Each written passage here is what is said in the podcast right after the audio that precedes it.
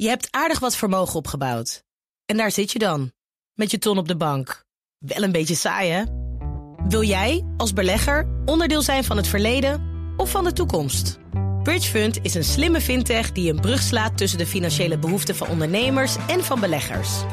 Dus wie belegt bij Bridgefund krijgt niet alleen een mooie vaste rente, maar brengt ook ondernemers in beweging. Echt waar, met die ton kan je zoveel betere dingen doen. Bridgefund. Make money smile. De BNR Techniek Tour wordt mede mogelijk gemaakt door Wijtechniek. Wijtechniek. Samenwerken aan jouw ontwikkeling. BNR Nieuwsradio. De Techniek Tour. Carlijn Meinders. Bij het horen van het onderwerp van deze uitzending kan ik me voorstellen dat je denkt: oef, ingewikkeld. Maar ik ga er alles aan doen om dit even leerzaam voor jou te maken als het voor mij is geweest. We horen dit keer, hou je vast, alles over fotonica.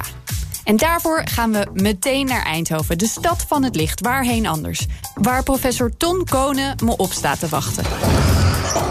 We zijn op de Technische Universiteit Eindhoven in de faculteit elektrotechniek. Uh, we gingen doen... net door een hele zware deur heen. Ja, precies. Een zware deur, want we zijn nu in een ruimte met metalen wanden waarvan de bedoeling is dat we alle radiogolven van buiten tegenhouden. Een zogenaamde Faraday kooi heet dat. Ja. Um, betekent dat deze ruimte radiogolven van buiten, zoals van de mobiele zendmasten in de buurt, niet naar binnen kunnen komen en we dus ongestoord metingen kunnen doen aan allerlei type radiocommunicatiesystemen.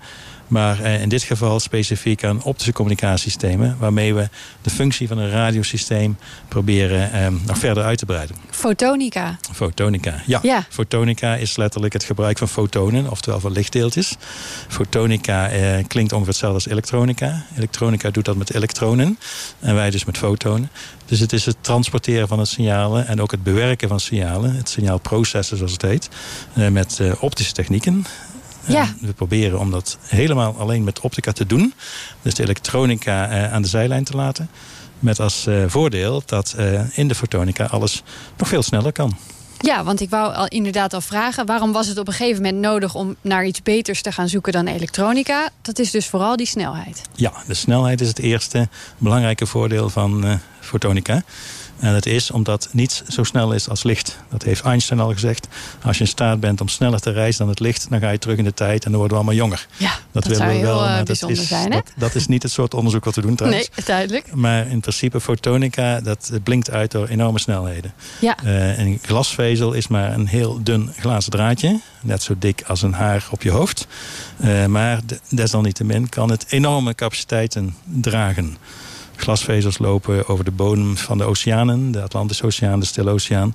Verbinden dus continenten over enorme afstanden. En transporteren ook het verkeer van al die continenten onder elkaar. Uh, dus dat zijn echt enorme capaciteiten. En dat was, vroeger werd dat gedaan met uh, elektrische kabels. Maar elektrische kabels hebben veel minder bandbreedte. Dus die kunnen veel minder hoge capaciteiten vervoeren. Dat is één voordeel. Een veel grotere bandbreedte in een glasvezel. En het andere punt is nog dat het ook veel minder demping heeft. Glasvezel heeft zo weinig demping dat die kabels die onder de oceaan doorlopen... maar elke zeg 100 kilometer een versterker nodig hebben.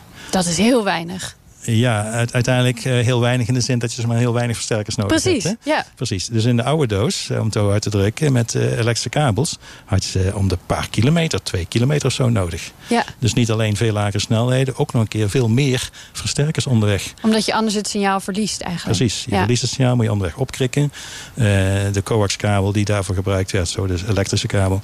Uh, die dempt veel, dus je moet veel versterkers hebben. Nou, het is ook een gegeven uit de natuurkunde dat elke versterker ruis toevoegt. En belangrijk in de communicatie is hoe sterk is de ruis ten opzichte van het signaal. Als het signaal niet veel sterker is dan de ruis, dan kun je het niet meer onderscheiden uh, van elkaar. Dus dan wordt je data slecht. Veel ruis is dus nadelig en veel versterkers betekent veel ruis. Oké, sneller, meer data en minder ruis. Nou verplaatsen fotonen zich, als het om lange afstanden gaat, dus door die glasvezelkabels. Maar kijk je naar kortere afstanden, bijvoorbeeld van de ene kant van je woonkamer naar de andere, dan kunnen lichtdeeltjes zich prima door de vrije ruimte bewegen. En dan gaan ze nog veel en veel sneller. Om precies te zijn, 300.000 kilometer per seconde. Dat is zeven keer de wereld rond in een seconde. En daar weten ze hier wel raad mee. Wat wij hier proberen te onderzoeken is om met optische stralen een draadloze verbinding te maken. Ehm, heel simpel gezegd zou je eigenlijk zeggen... nou, we maken de kwaliteit van de verbinding zoals een glasvezel die kan bieden... maar dan zonder de glasvezel. Fotonica wifi. Ja, ja zo zou Is er al een woord voor?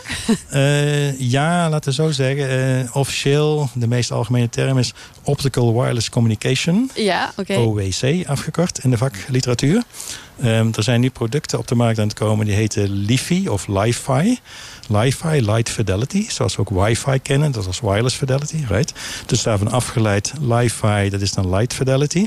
Light slaat op licht natuurlijk. Ja. Dus dat is een term die je niet veel tegenkomt. En dat is een techniek voor optische draadloze communicatie... waarbij je gebruik probeert te maken van de verlichting die je in je kamer toch al hebt. Tegenwoordig is heel veel verlichting is met ledlampen uitgerust. Ja. Ledlampen, in tegenstelling tot de vroege gloeidraadlampen...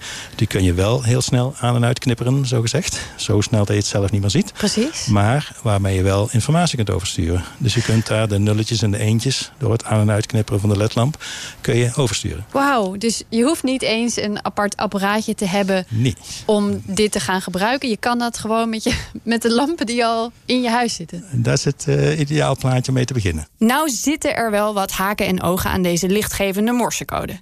Je moet toch wel nieuwe lampen maken die tegen al dat geknipper kunnen. En dan is er nog iets. Zo'n lamp is vaak gemaakt om een groot stuk van de ruimte te beschijnen. Dat betekent ook dat data niet alleen naar je computer op je bureau gaat, maar ook naar je bank en je afwasborstel. Een voordeel is dan weer: wifi gaat door de muur, maar licht gaat gewoon niet door de muur heen. Dus je kunt proberen wat je wil, maar aan de andere kant, jouw buurman kan nooit jouw uh, systeem, jouw signaal beluisteren. En als je s'avonds de gordijnen open hebt? Uh, dat is inderdaad een hele goeie. En dan komen we inderdaad op eentje waarvan wij zeggen... dat vinden we in onze techniek extra interessant. Want uh, Li-Fi gebruikt zichtbaar licht, wat ik al zei. Ze gebruiken de lampen in je, in je kamer. Ja. Nou, uh, tegelijkertijd zijn de ruiten in jouw raam... zijn ook bedoeld om zichtbaar licht door te laten. Hè. Dat is de functie van een raam natuurlijk. Precies. Dus dat betekent dat jouw Li-Fi-signaal door die raam naar buiten kan. En als iemand buiten het raam staat en jouw signaal kan oppakken... kan die even goed meeluisteren. Ja. Dat klopt. Ja. Um, wij doen ons onderzoek niet met zichtbaar licht, maar met infraroodlicht. Ah. Diverse redenen.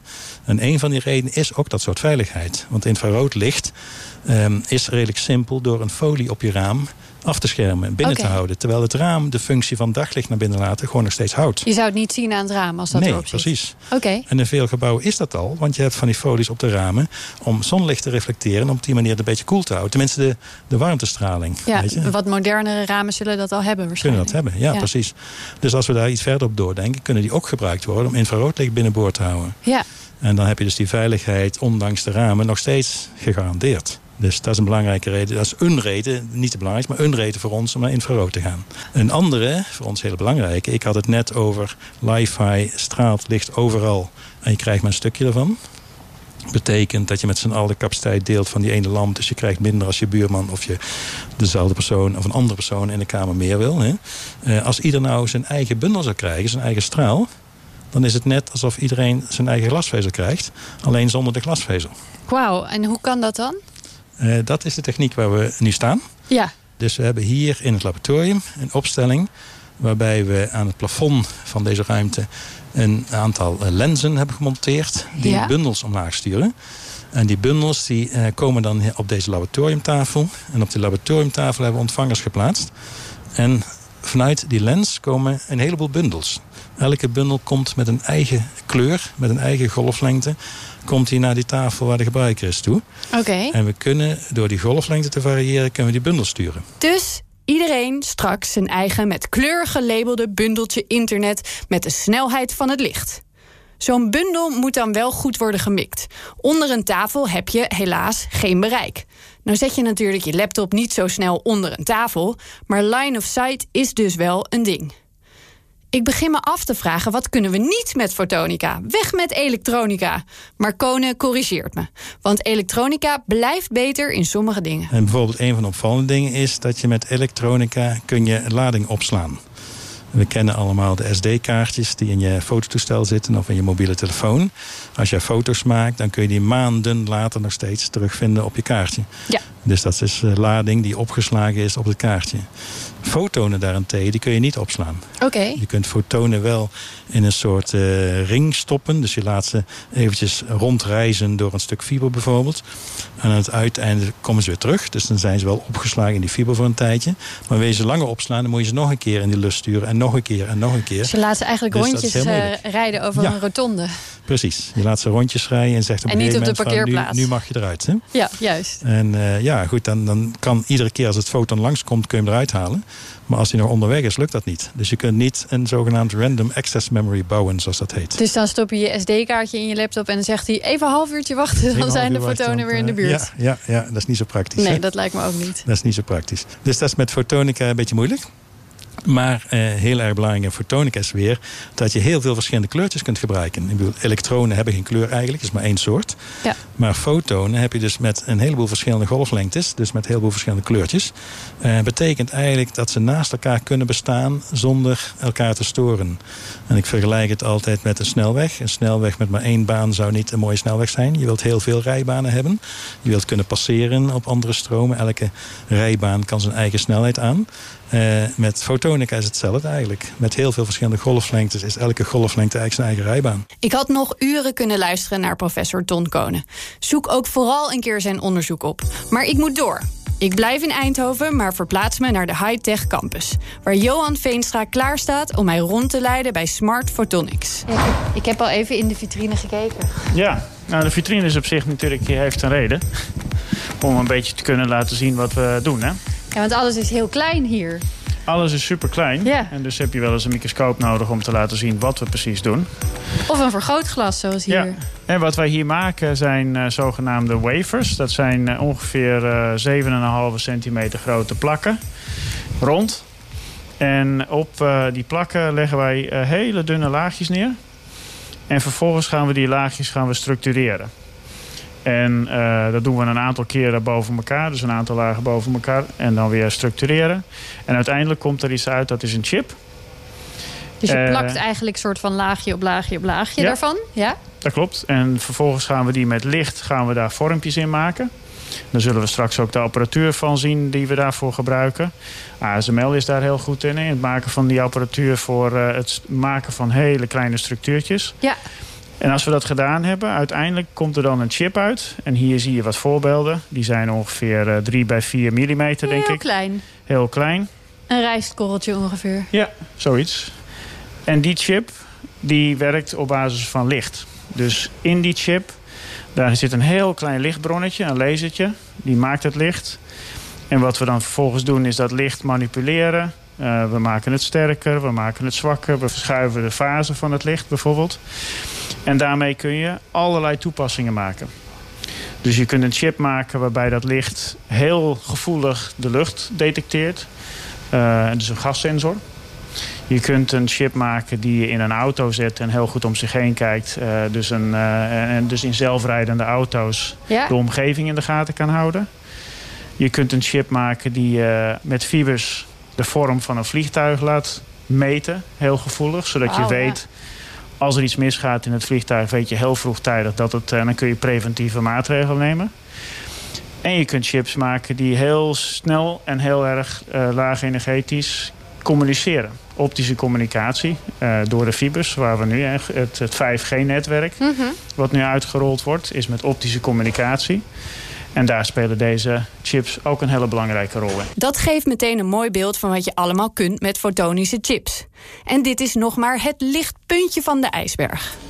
We lopen verder naar het eerste apparaat in het proces. Met dit apparaat leggen we hele dunne laagjes neer uh, op, uh, op die wafer, op, dat, uh, op die plak. Laagjes van 10 nanometer. Dus dat is een, een, een honderdste haar. En daar komen een aantal laagjes boven elkaar. En dat gaat heel precies. We zorgen dat het bijna atoom voor atoom wordt neergelegd. Ja. En uh, heel mooi netjes in een goede roosterstructuur wordt neergelegd. Zodat Ja. uiteindelijk daar precies het licht van de kleur uitkomt die we willen. Ja, want je, je kan hier echt niks in fout doen, hè? Er hoeft maar één, eh, één hobbeltje in te zitten, één stofje in terecht te komen en het werkt niet meer. Dit gaat heel precies. De stofjes inderdaad. Hè. Dus de cleanroom uh, gebruiken we daar ook voor. Als we willen zeker geen stofje. Een stofje ten opzichte van die 10 nanometer die ik net noemde. Een stofje is al snel een micron. Ja. Dat is echt een enorme baksteen. Ja. Een baksteen ten opzichte van onze chips. Ja. Dus we moeten zorgen dat er zo weinig mogelijk van op de chips komen. En het materiaal dat je hiervoor gebruikt, daar, daar is natuurlijk ook oneindig veel onderzoek in gaan zitten.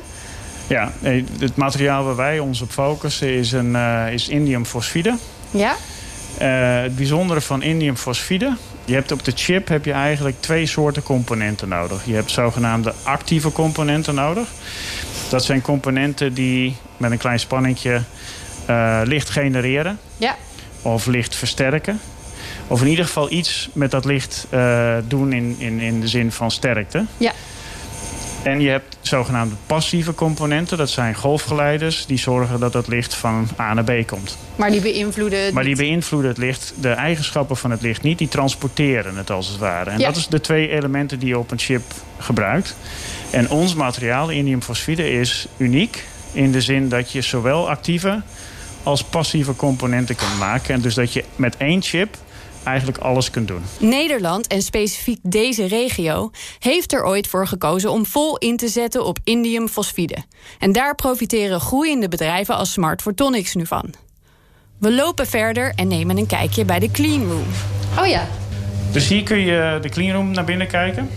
Nou, uh, er vallen denk ik meteen twee dingen op. Uh, mensen inpakken. Mensen inpakken. Ja. Uh, dat is zo omdat je niet wilt dat er allerlei haren of huidschilfers of dat soort dingen op de chips komen. Want die zijn gigantisch ten opzichte van de chip. Dus die maken dat het niet meer werkt. Het tweede wat je opvalt is het gele licht. En dat komt omdat dit het deel is waarin we de structuren maken in die chips. En voor het maken van die structuren gebruiken we licht van een bepaalde golflengte. En uh, er zijn dus lichtgevoelige lakken die op uh, de plak gebruikt worden. Ah. Met een masker, waarbij je dus precies de structuur in het masker zit die je uiteindelijk in je, in je chip wilt hebben. Het lijkt wel alsof je het er een beetje in brandt. Ja, het lijkt alsof je erin brandt. En dit licht zorgt ervoor dat die lichtgevoelige lakken niet onmiddellijk dat je die uh, zeg maar in je hand hebt hier in de cleanroom al gaat, gaat uh, ontwikkelen.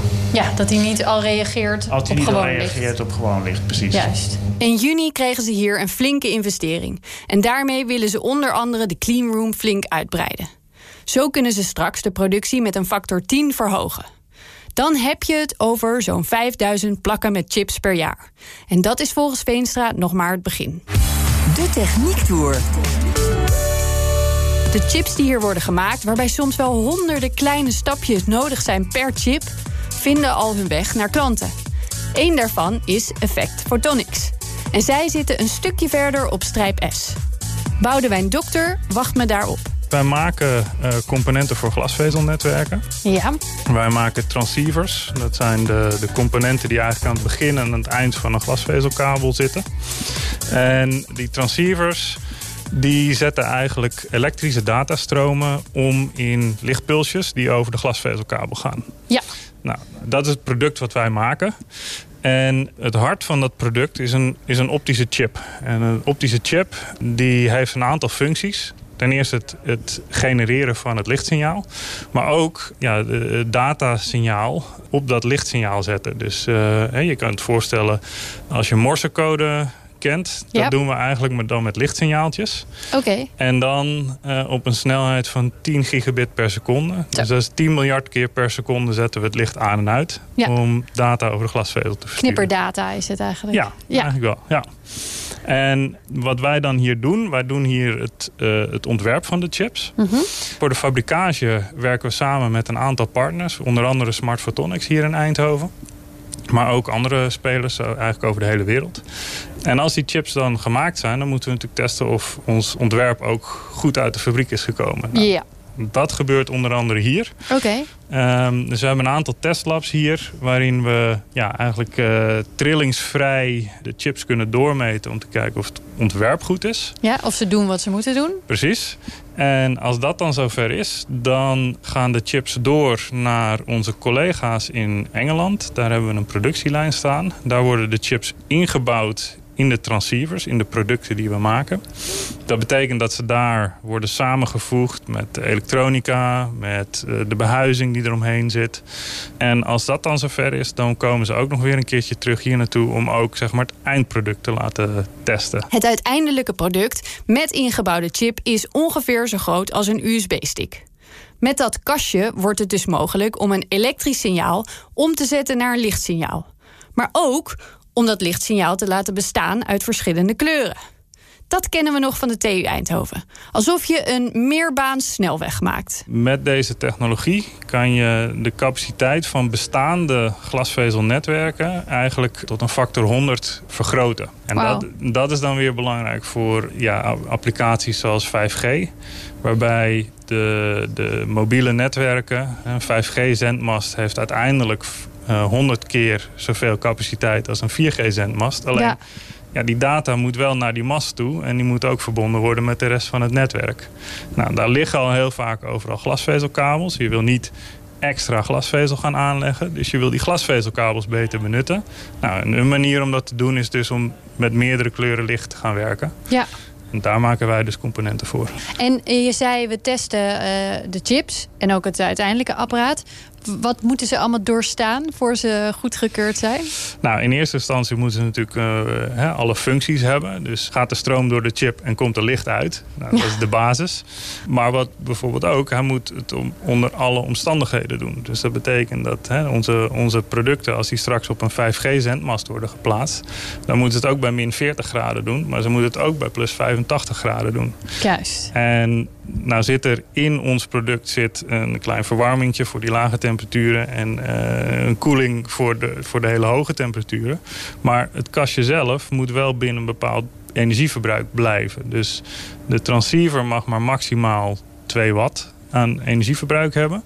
En wij moeten dus testen of we ook bij die hele hoge temperatuur nog steeds binnen dat energieverbruik blijven.